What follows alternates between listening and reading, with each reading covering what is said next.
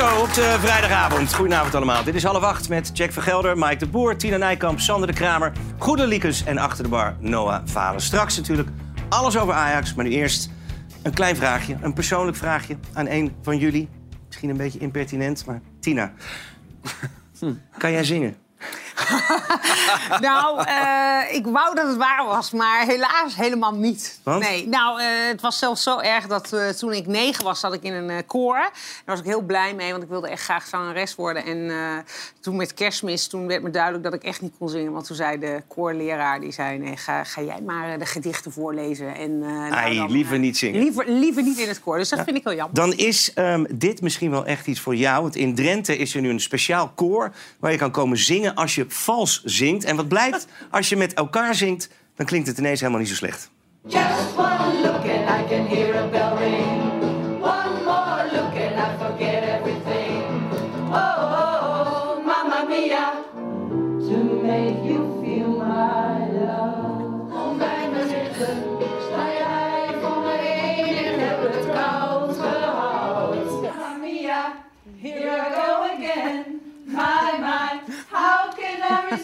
Klinkt toch lang niet slechter, Jack? Helemaal niet. Het zijn geen profs, maar het is toch hartstikke leuk. Ja, ik, vind leuk dat, ik vind dat Ja. vals eh, vind ik nog wel meevallen. En tijdens het zingen maakt ons lichaam endorfines aan. Kleine shotjes geluksdrugs die ons een goed gevoel geven. Helemaal als je samen zingt. Weet Ja. je ook wel eens van? Ja. Ja. Ja. Eh, Ik zeg dat al jaren. Eigenlijk zou je dat verplicht moeten maken voor mensen die Prozac nemen. En je gaat zien dat het gebruik van de Ja? medicatie enorm daalt. Je Kijk. wordt er echt heel happy van. Verplicht zingen.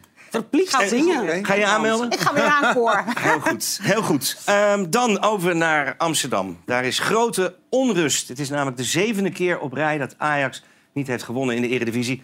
Een enorme afgang met grote gevolgen voor de trainer. De, de, de druppel is in deze wedstrijd geweest. Het gaat mis tegen PSV, Vitesse, Emmen, NEC, Twente, Feyenoord en gisteren tegen Volendam.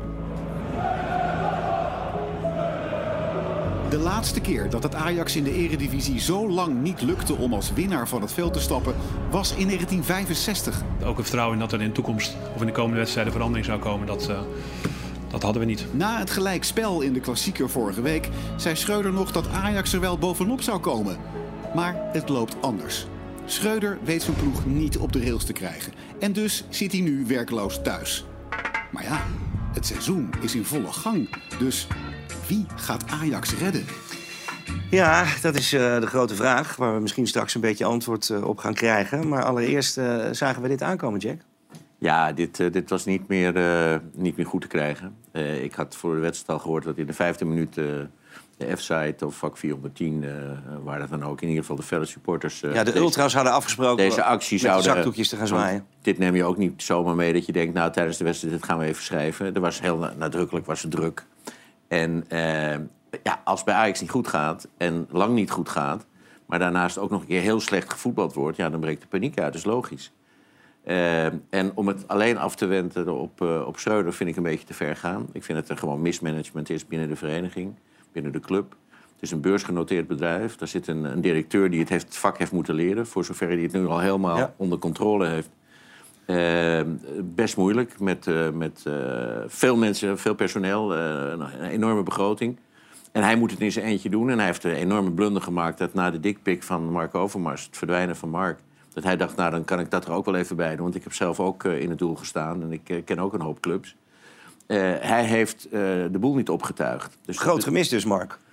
Een heel groot gemis, omdat Mark eh, de handelsgeest ook had. Natuurlijk ook wel zepers heeft gehaald eh, ten aanzien van het binnenhalen van spelers die misschien niet rendeerden. Maar over grote deel, hij heeft geloof ik eh, een, een, een, een plus gehad van 400 miljoen voor die club. Dus dan, dan kan je wel iets. Maar even, Jack, even naar de avond zelf. Want ik begreep, misschien weet jij daar meer van... dat in, in de rust al besloten werd om, om eh, Schreuder te ontslaan. Nou, ik keek, ik vind het leuk op sociale media wat te kijken. Ik keek een, een gesprek wat Pim CD had van de Telegraaf met Valentijn Driessen. En Valentijn wist eh, daar te zeggen dat in de rust Ruud Brood was afgebeld. Ruud Brood was namelijk, bleek, eh, de beoogde assistent van Schreuder als, eh, als het verder was doorgegaan. ja, je hebben die ze dan- afbellen, dan weet je genoeg. die zouden ze in de rust hebben afgebeld. Eh, dat vind ik wel heel erg Dat is gênant. heel gênant. Dat Ja. vind ik echt heel erg, heel erg gênant. Want dan weet je dus, want voor hetzelfde geld wint hij nog met 4-5-1. Ja. En dan snij je jezelf geweldig in de vingers. Want diezelfde mensen die in eerste instantie ja. rot op en witte zakdoekjes... die roepen dan Schreuder moet blijven. Want zo gaat het natuurlijk. Is er een beetje jubelstemming in Rotterdam eh, door de malaise in Amsterdam? Nou, ik ben niet zo van het leedvermaak, maar eh, ja, Feyenoord wil wel graag winnen dit jaar, hoor. Ja. Ja, wij willen allemaal Beetje, wel winnen. beetje gniffelen doen ze daar wel, toch? Nou, Schreuder heeft natuurlijk bij vroeger bij Feyenoord gespeeld. Dus er gaan bij ons gaan allemaal plaatjes rond van hem nog in een Feyenoord-shirt. En staat er wie was de mol? En dan bij tussen Ajax. Dus ja, we hebben wel een klein beetje Ja, dat is logisch. Ehm, hoe slecht heeft hij het eigenlijk echt gedaan? Noah, dat weet jij natuurlijk wel. Nou, in de laatste 20 jaar was er eigenlijk geen, eh, geen trainer die het slechter deed. Als je kijkt naar het puntengemiddelde van Schreuder, dat is dan 1,89 per wedstrijd. Ja, dat is de slechtste sinds Co-Adriaans. En dat was in het seizoen 2000-2001. Ja, slechts één trainer werd deze eeuw ook eerder op straat gezegd. Dat was eh, eh, Marcel Keizer in 2016. Na 24 wedstrijden werd hij ontslagen. Ja, Schreuder na 26. En dit seizoen heeft Ajax al 20 verliespunten geleden. Ja, we hebben 18 wedstrijden gespeeld. En vorig seizoen, dus over het hele seizoen, waren dat er slechts eh, 19. Ja, pijnlijk hè? Maar hij had ook niet de gunfactor, toch, Jack? Ik bedoel, na, na wat er gebeurd was met Daley Blind... was het eigenlijk al onhoudbaar, toch? Nou ja, het begint natuurlijk al in de zomer. Er gaat veel te veel eh, basisspelers Ja. gaan weg. Eh, allemaal, allemaal steunpilaren die allemaal wegvallen. Eh, er worden een aantal jongens wordt aangekocht eh, dat gewoon niet goed genoeg is. Eh, of je denkt, het is goed genoeg. Wijn- Wijndal bijvoorbeeld 10 miljoen, maar die speelt dus helemaal niet. Nee, dus het klopt wel wat Sander zegt. Hij had het ook niet helemaal mee, maar hij werd gepresenteerd als een mensenmens in het begin. Ja, maar ja, ik begrijp dus ook, want ik, heb, ik, ik, zie, ik zie dus geen trainingen, maar van de volgers, dat hij eh, in het begin van dit seizoen meer de manager was dan, dan de trainer. En dat was juist het sterke punt onder Ten Hag. Dat Ten Hag keek bij wijze van spreken, eh, natuurlijk ook zijn accenten legt, maar hij was degene en daar waren ze gek van. En hij heeft dat juist weer overgelaten aan, zijn- aan een assistent en dacht, ja, die jongens zijn volwassen genoeg om het te doen. Terwijl Wie zou, andersom... wie zou jij aanwijzen als nieuwe trainer? Poh, ik denk dat het makkelijkste is om Peter Bos te vragen, want die is op dit moment vrij. Eh, heeft weliswaar een keer een conflict gehad met, eh, met Van der Sar. Nou ja, Is- om daar nog even op terug te komen. Jij zei het net al, we kunnen niet alles op Schreuder eh, af, afschuiven. Eh, Edwin van der Sar. Eh, ik vond hem eind vorig jaar, toen het allemaal goed ging, een paar keer spreken, dacht ik zo, dat Ja. gaat goed. Maar toen het minder ging, onder andere bij Overmars, eh, dat je denkt, hé, hey, daar had toch iemand wel even wat meer Nou bovenop ja, hij kunnen zitten. En gisteren weer, Noah. Nou, gisteren werd wel inderdaad duidelijk dat hij daar niet de beste in is. Met de nadruk op inderdaad. Ja. En Emmen eh, uiteraard ook geëvalueerd hebben inderdaad. Na de winststop, want na het WK inderdaad. Er zijn er genoeg inderdaad. Ik denk dat, we, dat je bij een club als Ajax inderdaad... eh, dat je inderdaad wel een aantal aspecten kan aangeven inderdaad. Eh, en die worden inderdaad van max vier spelers. Er zijn er inderdaad twaalf weggegaan. En inderdaad twee, eh, twee spelers eh, niet. Voor inderdaad een, een speler die, die die graag wilde hebben. Ik denk dat bij Ajax ook belangrijk is inderdaad de manier, de manier van spelen. Nee, dat, dat, is, dat is een goede vraag inderdaad. Ah, dit is natuurlijk wel een beetje flauw, maar... Maar ik denk, ik, denk, ik denk nu dat inderdaad de mos gaat komen.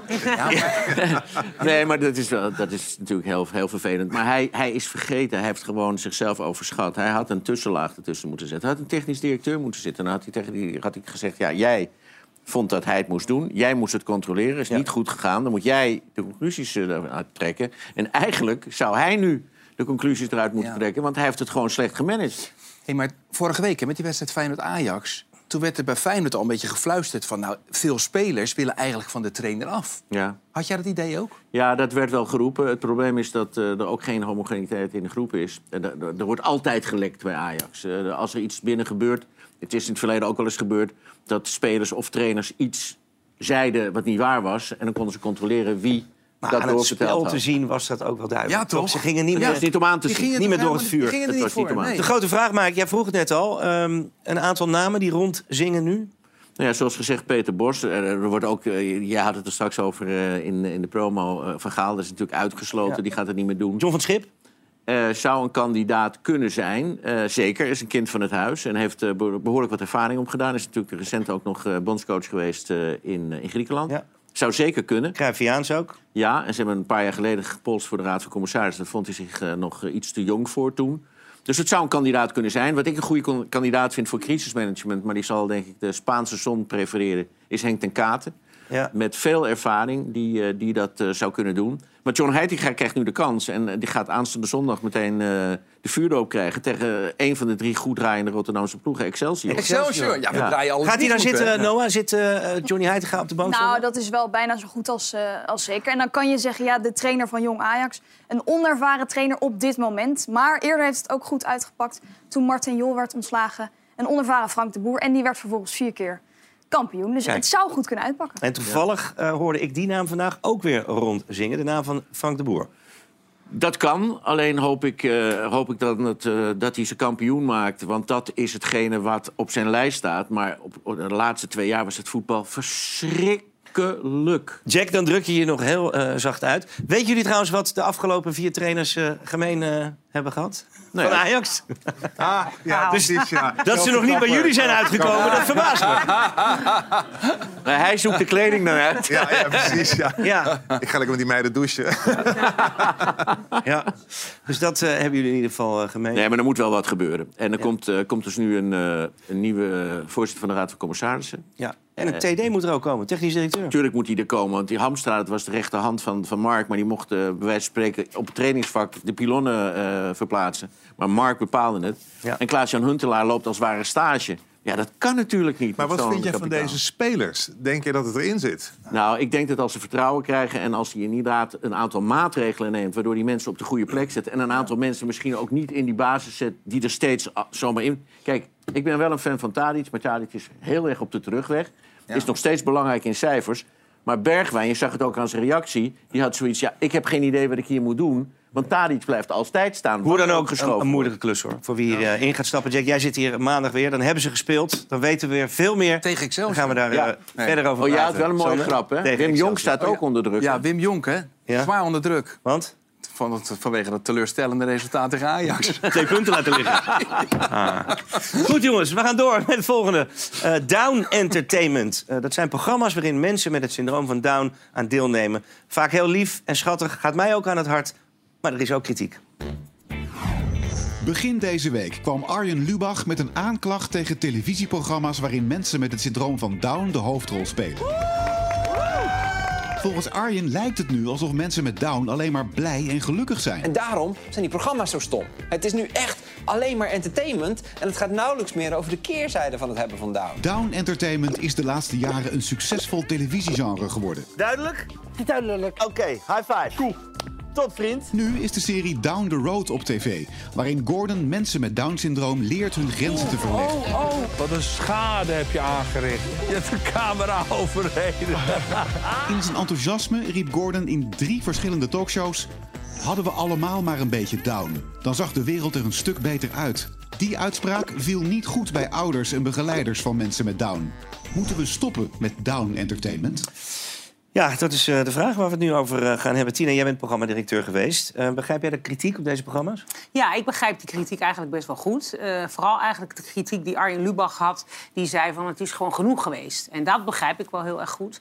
Omdat natuurlijk de afgelopen jaren, vanaf 2008... Nou, jij bent er eigenlijk hè, ook aan de wieg gestaan van een programma... daar ben ik zelf ook nog bij betrokken geweest, Down met Johnny. Bij Veronica. Daar ging het heel erg om de mensen zelf. Daarna kwamen de, werd het meer geformateerd, zoals dat in tv-termen heet. Eh, en dit programma, eh, Down the Road, was al eigenlijk vorig jaar, toen in het eerste seizoen was, ja, was dat al. Werd het eigenlijk al niet zo goed ontvangen. Er keken ook niet zoveel mensen naar. En nu het tweede seizoen, nu denken mensen, ja, het is genoeg. Dus ik snap wel waar het eh, vandaan komt. Down the Road is... een, is een Vlaams programma. Ja. Ehm, had, het, had het daar ook kritiek? Ja, ja, we hebben in België was er een, een eh, comedian met, zelf met een beperking, William Boeva.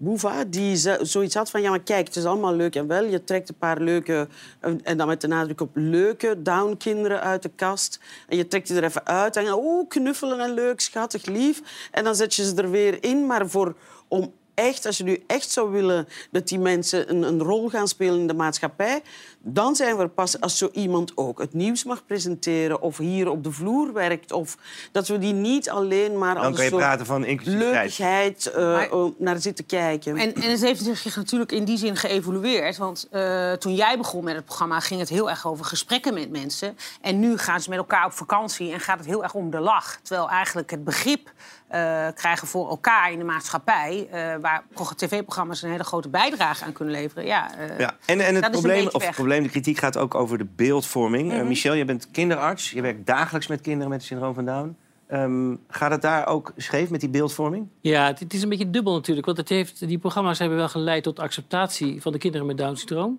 Kijk, in Nederland eh, worden er veel kinderen met Down-syndroom geboren. In tegenstelling tot eh, het land als België, waar geen Down-kinderen meer worden geboren. En, 250 kinderen per jaar, klopt dat? Ja, dat is iets inmiddels eh, gezakt. Een geleidelijke daling. Maar de NIPT-test heeft niet gezorgd dat er eh, eh, een echte daling is. In België is dat nul, Denemarken nul.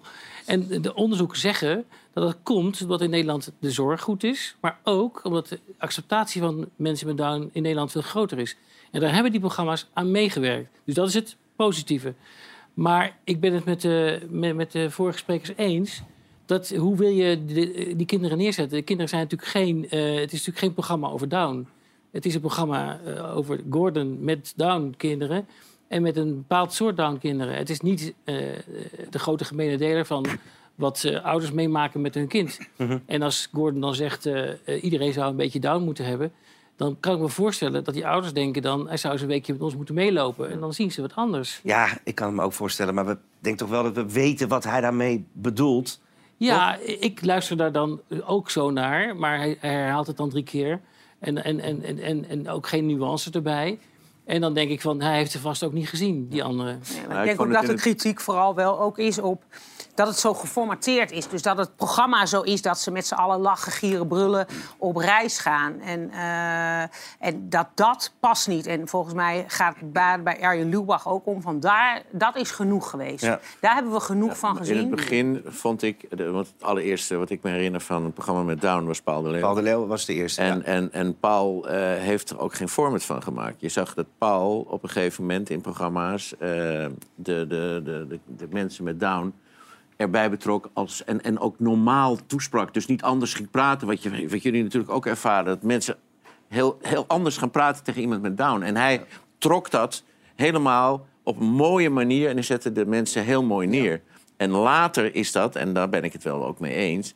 een soort format geworden van kijk eens hoe leuk, Heel hoe veel mooi. programma's, hè? Heel Ja. veel ook. Maar dat is Niet alleen het programma ja. met Gordon. Hè? Nee, het is er heel veel. Kijk, NPO 3 kwam op een gegeven moment met eh, Upside Down. Gingen ze grapjes maken. Wereld draait door, kwam met Dynasty, geloof ik. Ja. Ja, maar daar is toch nog een heel, heel groot verschil. En dat heeft te maken met het feit... je hebt down in verschillende gradaties. En je laat één gradatie zien van kinderen die leuk op vakantie gaan... en, en die super schattig zijn, maar, ouders denk dat zitten het- met die andere gradaties. Ik denk dat het ook. goed is dat je dat benoemt. Eh, we hebben Edwin uitgenodigd. Het Edwin, is nog hebt- de vraag, overigens, of je dat allemaal wel ziet. Want wat je ziet is misschien niet wat er gebeurd Ook is. al. Want voordat een kind een berg afklimt... Bij mij op de poli duurt het een uur voordat de, schoenen uitgaan bij een kind bijvoorbeeld. Misschien hebben ze wel een dag moeten filmen. Mhm. Maar dat is ook misschien wel iemand- ehm, een deel van het, eh, van het antwoord. Om Ja. dat dan ook te laten zien. Ja. Met een disclaimer te werken. Ja. Maar ik wil even naar Edwin, want jij hebt een, een, een zoon met Down. Klopt. eh, Stijn. Hij- wat, wat is het voor jongen? Omschrijf hem eens. Oké, Stijn, is een, eh, die- Stijn is 13 jaar. En Stijn is ontwikkeld tot 2,5 à 3 jaar in zijn hoofd. Dus zo gedraagt hij zich ook. Dus Stijn is gewoon een klein kind. En kleine kinderen hebben zorg nodig. En kleine kinderen kan je niet alleen laten. En dat is waar wij tegenaan lopen. Ja. Stijn heeft altijd iemand nodig om zich heen. Altijd, altijd twee ogen op zich. Want hij kan vanuit het niks kan die gekke dingen gaan doen. Hij kan opeens naar de keuken lopen en de gaspit aan. Maar jij vertelde mij zelfs dat jij met jouw werk gestopt bent. Ja. Om voor hem te zorgen. Ja, ja, op een gegeven moment, eh, ik zat in de transport. Mijn vrouw die werkt in de terminale nachtzorg. En we leefden een beetje langs elkaar heen. En de opvoeding, ja, dat ging allemaal niet meer. Stijn werd groter en ouder en sterker. En ja, dan is het puzzelen en dan is het kijken hoe ga je de opvoeding oppakken. En ja, toen ben ik gestopt met werken en heb ik me gericht op Stijn. Ja, met je af, man. Ja. Eh, maar jij bent wel een goed persoon om dit aan te vragen. Eh, zijn er te veel van dit soort programma's? Moet het stoppen? Ja, het is, het is wel, ik, vind het, ik vind het te veel. Weet je, op een gegeven moment is het ook wel genoeg geweest. Het, eh, het is net alsof je zit te kijken naar... ehm, hè, we laten ze trucjes doen. Kijk eens, we zetten ze op een station en ze gaan met de trein naar Emmen. Het, is, het is hartstikke goed dat ze het kunnen, maar het is geen reële afspiegeling van de werkelijkheid. En, en dat is waar, waar ik tegenaan loop, is dat mensen denken van... nou, hè, Downkinderen is, is op zich eh, vrij makkelijk. eh, het valt allemaal reuze mee. Want dat beeld ontstaat nu. Terwijl er zo, wat Goedele al zei, dat er zoveel gradaties zijn in, in de vorm met Down. Ja, de een kan minder dan de ander. En, of kan meer dan de ander. Ja. En ja, Maar eh, die disclaimer erbij, of die andere kant ook laten zien. Het is ook een hele kleine doelgroep en zoveel. Nou ja, goed, je zou eh, op een gegeven moment wel weer terug kunnen eigenlijk naar waar het eh, begonnen is. In een, gewoon in een goed gesprek, hè, waar jij het over had. Of hoe jij dat in, eh, bij, met Down with Johnny deed. Maar ik denk voor nu... kijk, de kijker heeft ook altijd gelijk. Hè, en ik weet best veel van kijkcijfers. En daarin blijkt, daaruit blijkt ook wel dat er gewoon ook veel minder mensen kijken naar dit soort programma's dan vroeger. Dus ik denk ook wel dat de kijker denkt... nou, misschien is het nu ook wel tijd om iets anders... een ander element uit de maatschappij... om daar wat meer aandacht voor te hebben. En dan misschien over een tijdje eh, dan wel... Ik zou het wel weer kunnen. Maar ik denk ook voor nu dat het wel eh, een mooie is geweest voor eventjes. Maar ja, voor de inclusie is het wel belangrijk dat je down blijft zien. Dus je zou, wat jij als voorbeeld wat, wat eh, zei, is ze gewoon ja, hier als publiek erbij zetten, of als ober, of als eh, dat wat ze wel kunnen. Ja. Ze kunnen ook heel veel dingen wel. Laat zien wat ze wel kunnen, en, maar dan op een normale manier.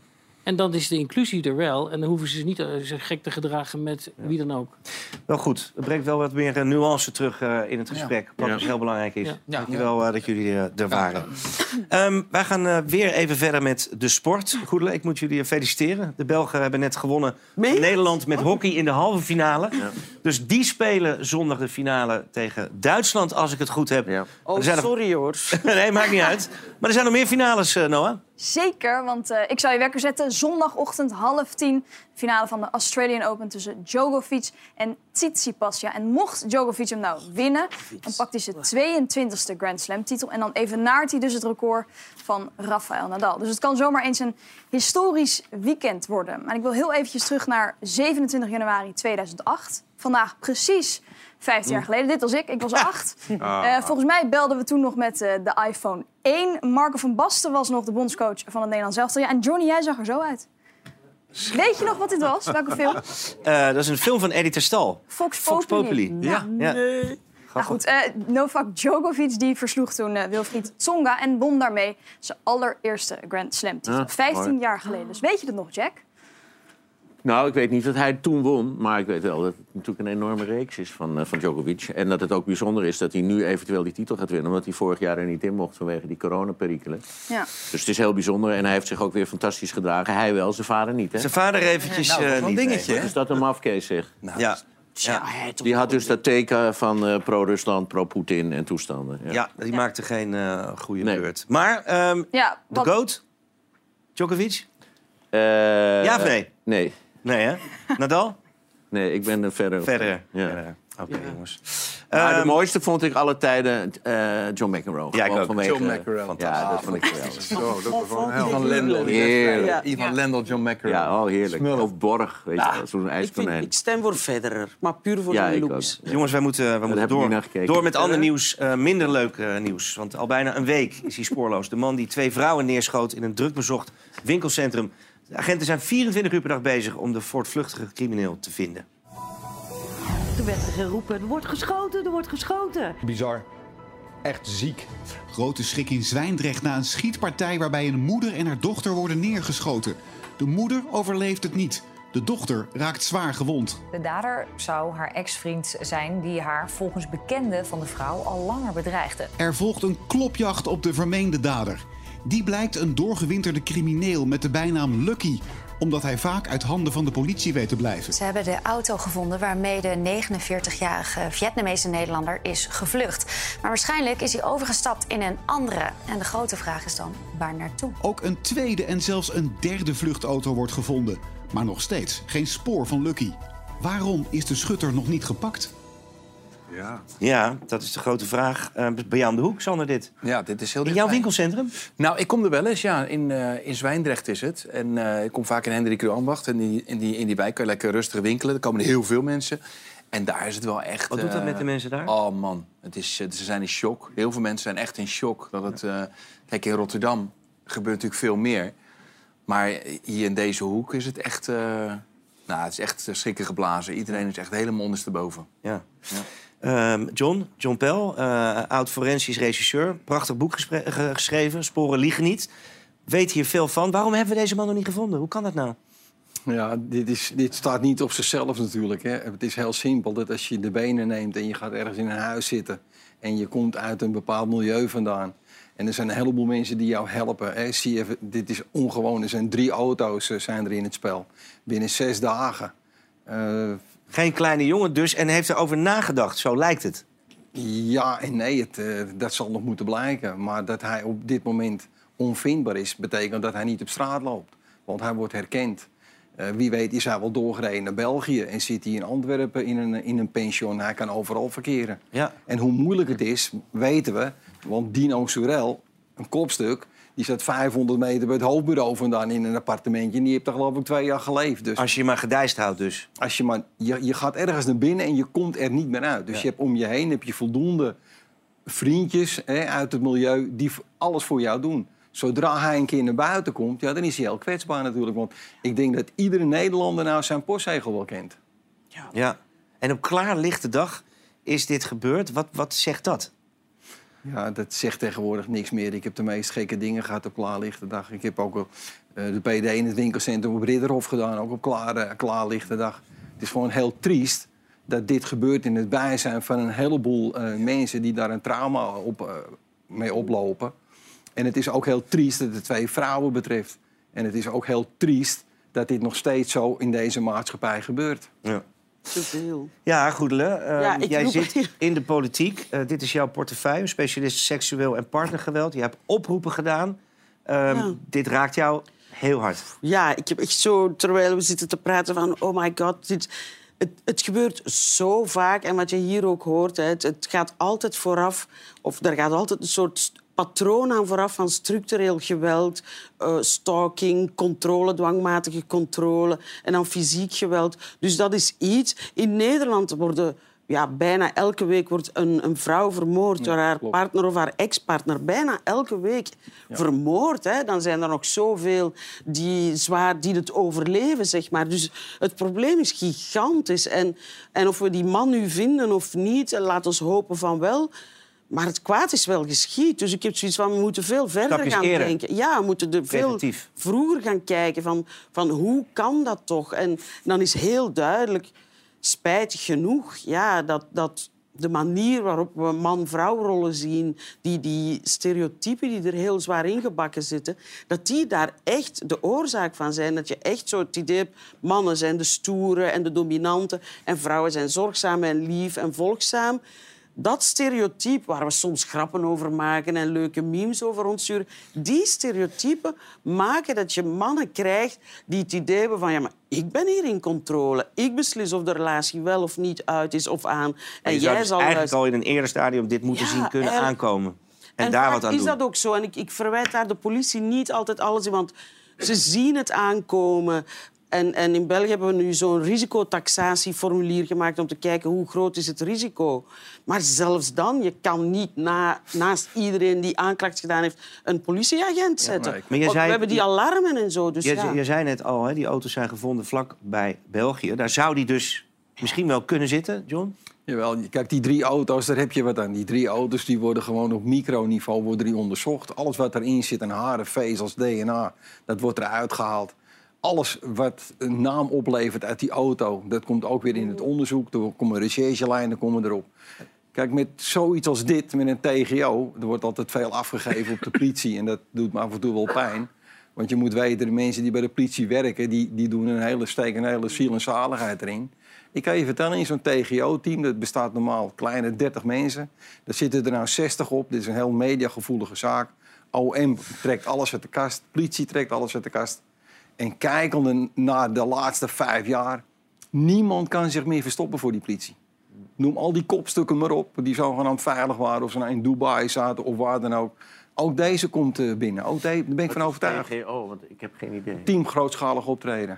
Ja, en je noemt net al, eh, John, hè, de, de, de media. Veel programma's schenken hier aandacht aan. Ehm, helpt dat mee? Want ik begrijp ook dat er daardoor heel veel tips binnenkomen. En dan gaat er dan weer heel veel tijd in zitten. Dus helpt het of helpt het niet mee? Tina, weet jij? Nou ja, ik, ik, ik heb altijd begrepen van opsporing verzocht bijvoorbeeld... dat dat, dat ontzettend eh, veel waarde heeft. eh, eh, dat het heel belangrijk is dat daar ook heel veel mensen naar kijken... zodat er veel meer kans is dat het opgelost wordt. Dus ik denk dat het wel Daarom is het triest dat het programma er niet meer is. Ja, Ja, dus ze is nu naar NPO 2 verhuisd, wat belachelijk, ja, belachelijk is. En dus ook eh, meer dan hel- minder dan de helft kijkers heeft nu nog maar. Maar mag ik eens iets vragen? Zou hij kunnen naar Vietnam vluchten? Want dan hebben we wel een, een probleem, denk ik. Want ja, hij reist naar België en dan door naar... Ik bedoel, in België, ik weet niet of hij daar... Ik heb hij zal begrepen, gezeild alleen met een, met een vals paspoort, eventueel. Ja, Hoe moeilijk is dat? dat lijkt me... Zeker Maar in als België. je deze modus operandi bekijkt... dan is het niet sterk aannemelijk dat hij alles van tevoren gepland heeft. Dit lijkt wel of het eerder is voortgekomen uit een heftige emotionele toestand op die parkeerplaats. Dat hij dan een keer in de lucht schiet en dat hij dan een vrouw achter hem neemt. Eh, het komt door mij niet over als dit gepland is. Want dan gaat hij weg met een auto, steekt hij die auto in de brand. En weet je, dan krijg je meer een MO bij de liquidaties van de afgelopen tien jaar.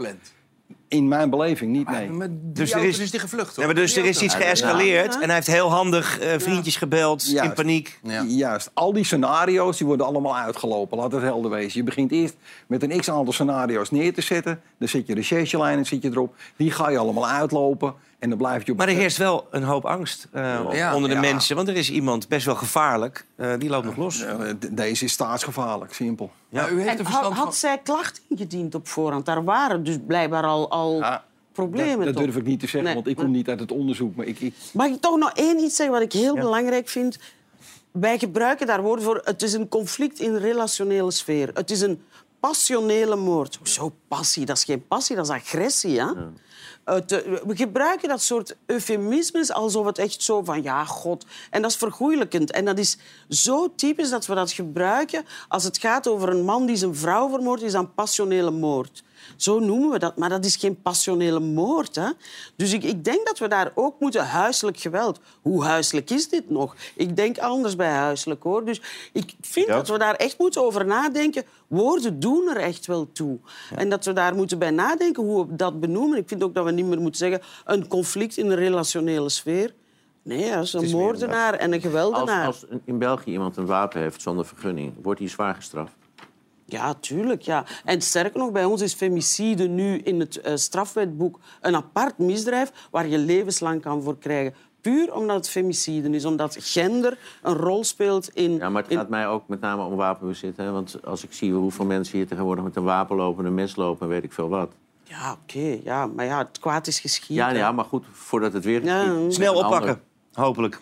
Toch? Zeker. Dat we En dus, allemaal onze verantwoordelijkheid nemen en nadenken over hoe we spreken over mannen en vrouwen. Want dat was mijn pleidooi.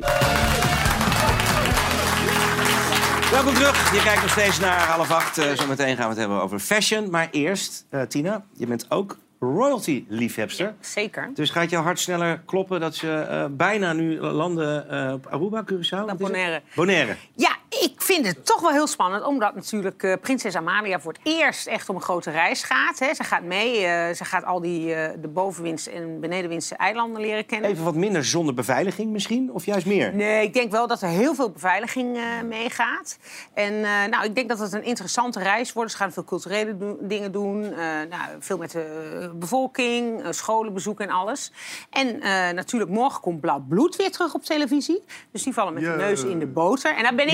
Persoonlijk heel blij mee. Ja. Want daar heb ik Ja. echt een pleidooi voor, eh, voor gehouden. Want ik vond het zo raar dat dat van de buis was verdwenen. Omdat het natuurlijk heel belangrijk is. Als je een koningshuis hebt in een land... dan vind ik wel dat daar een tv-programma bij hoort. Of een beetje een poppenkast, Sander? Ja.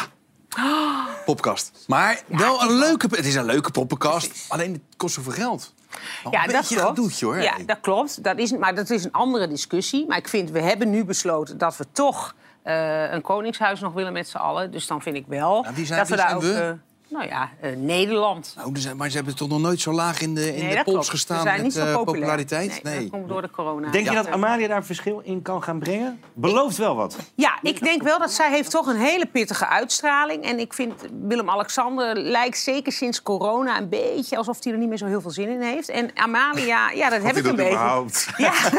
ja, en Amalia heb ik zo'n idee van, nou, ik ga ervoor, ik ga er wat van maken. In het weekend ehm, ehm, is ze wel vrij begrepen, begrepen op de trip. Dus misschien staat ze wel lekker aan de Mambelbar in Ja. Curaçao. Nou, Ja. zo, nee, ik gun het er wel. Want ik Bertje Evers daar, lijnstijf.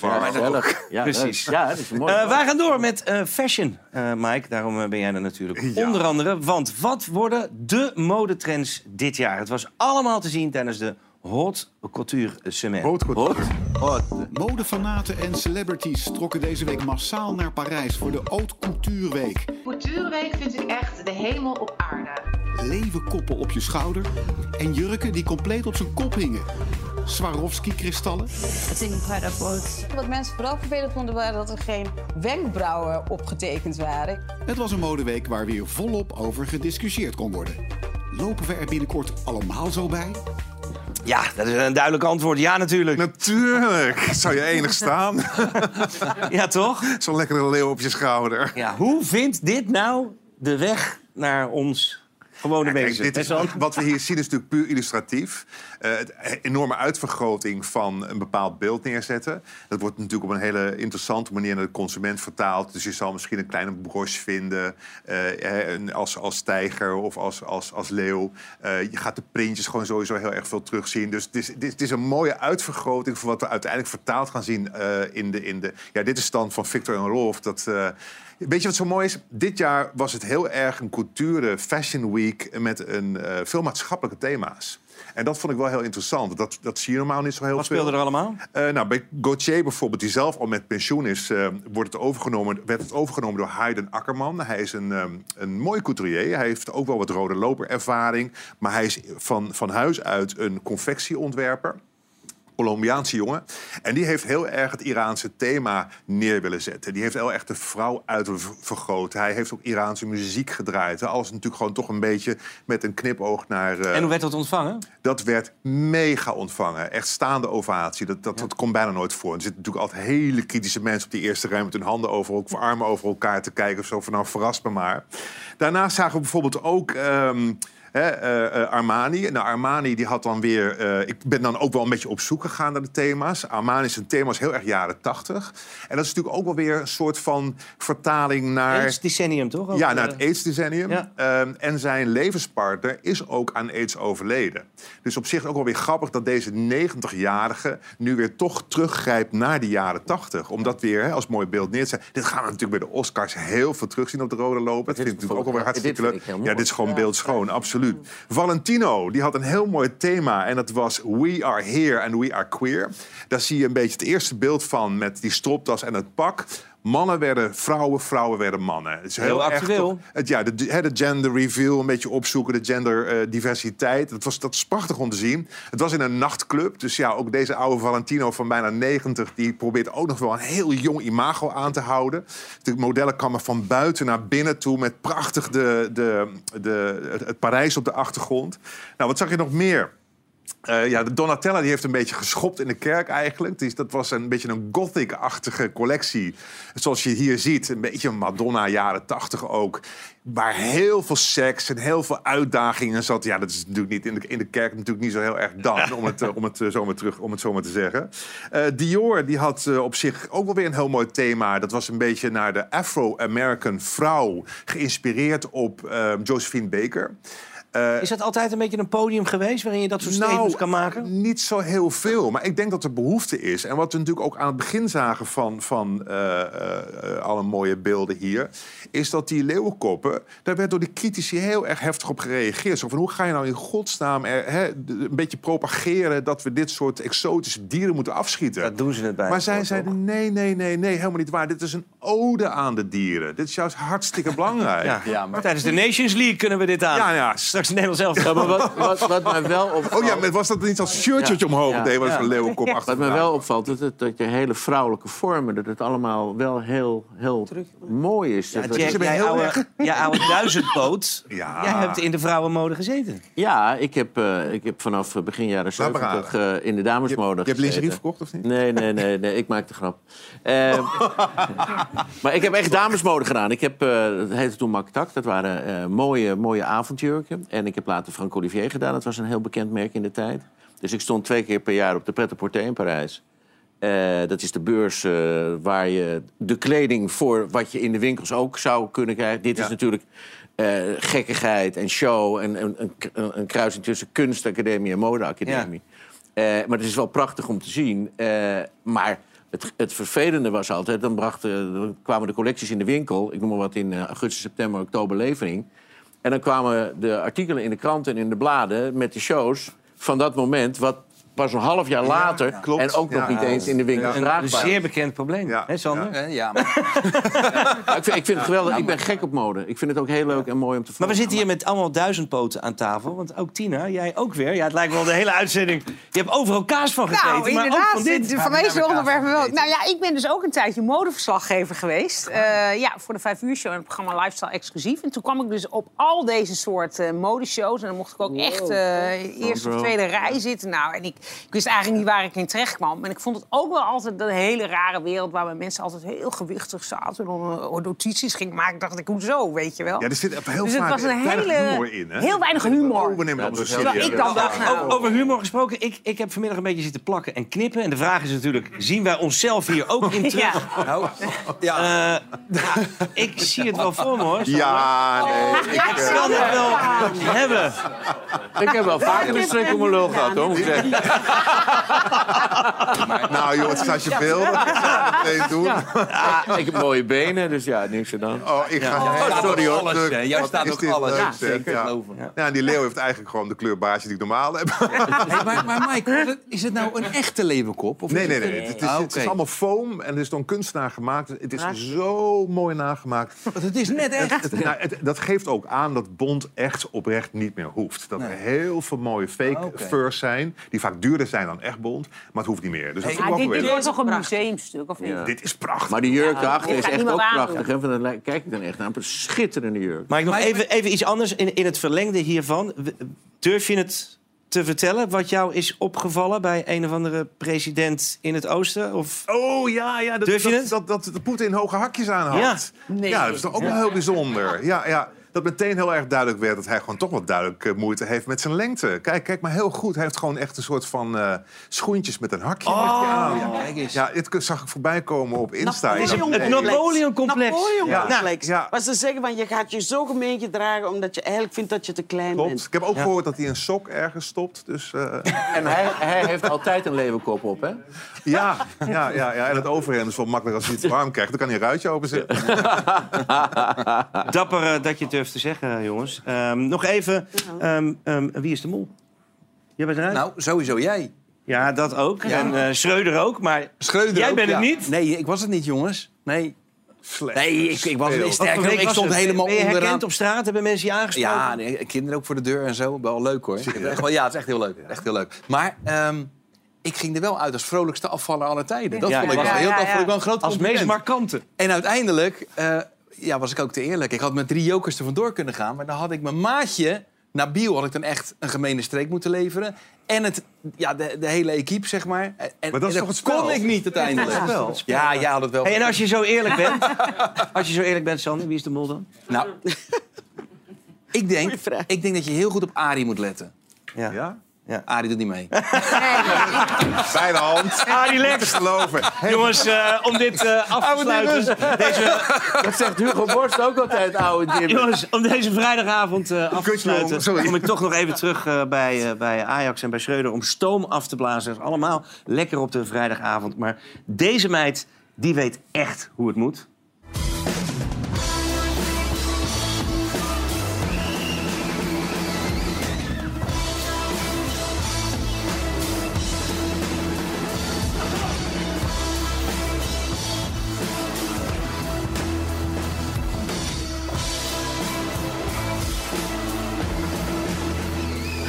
Ja, ik word hier heel blij van. Hiermee wil ik jullie allemaal het weekend insturen. Ik wil al mijn gasten bedanken van vanavond. Jack, eh, jij kan hier blijven slapen. Maandag zit jij hier weer. Op mijn plek zit dan Helene. Ehm, Fijn dat je er weer bent. Jurgen Ruijten. Ja, Ja. dankjewel. Ja, dankjewel jongens. zeker. Ehm, eh, tot eh, volgende week. Fijn weekend. Wees lief van elkaar. Hoi. Applaus.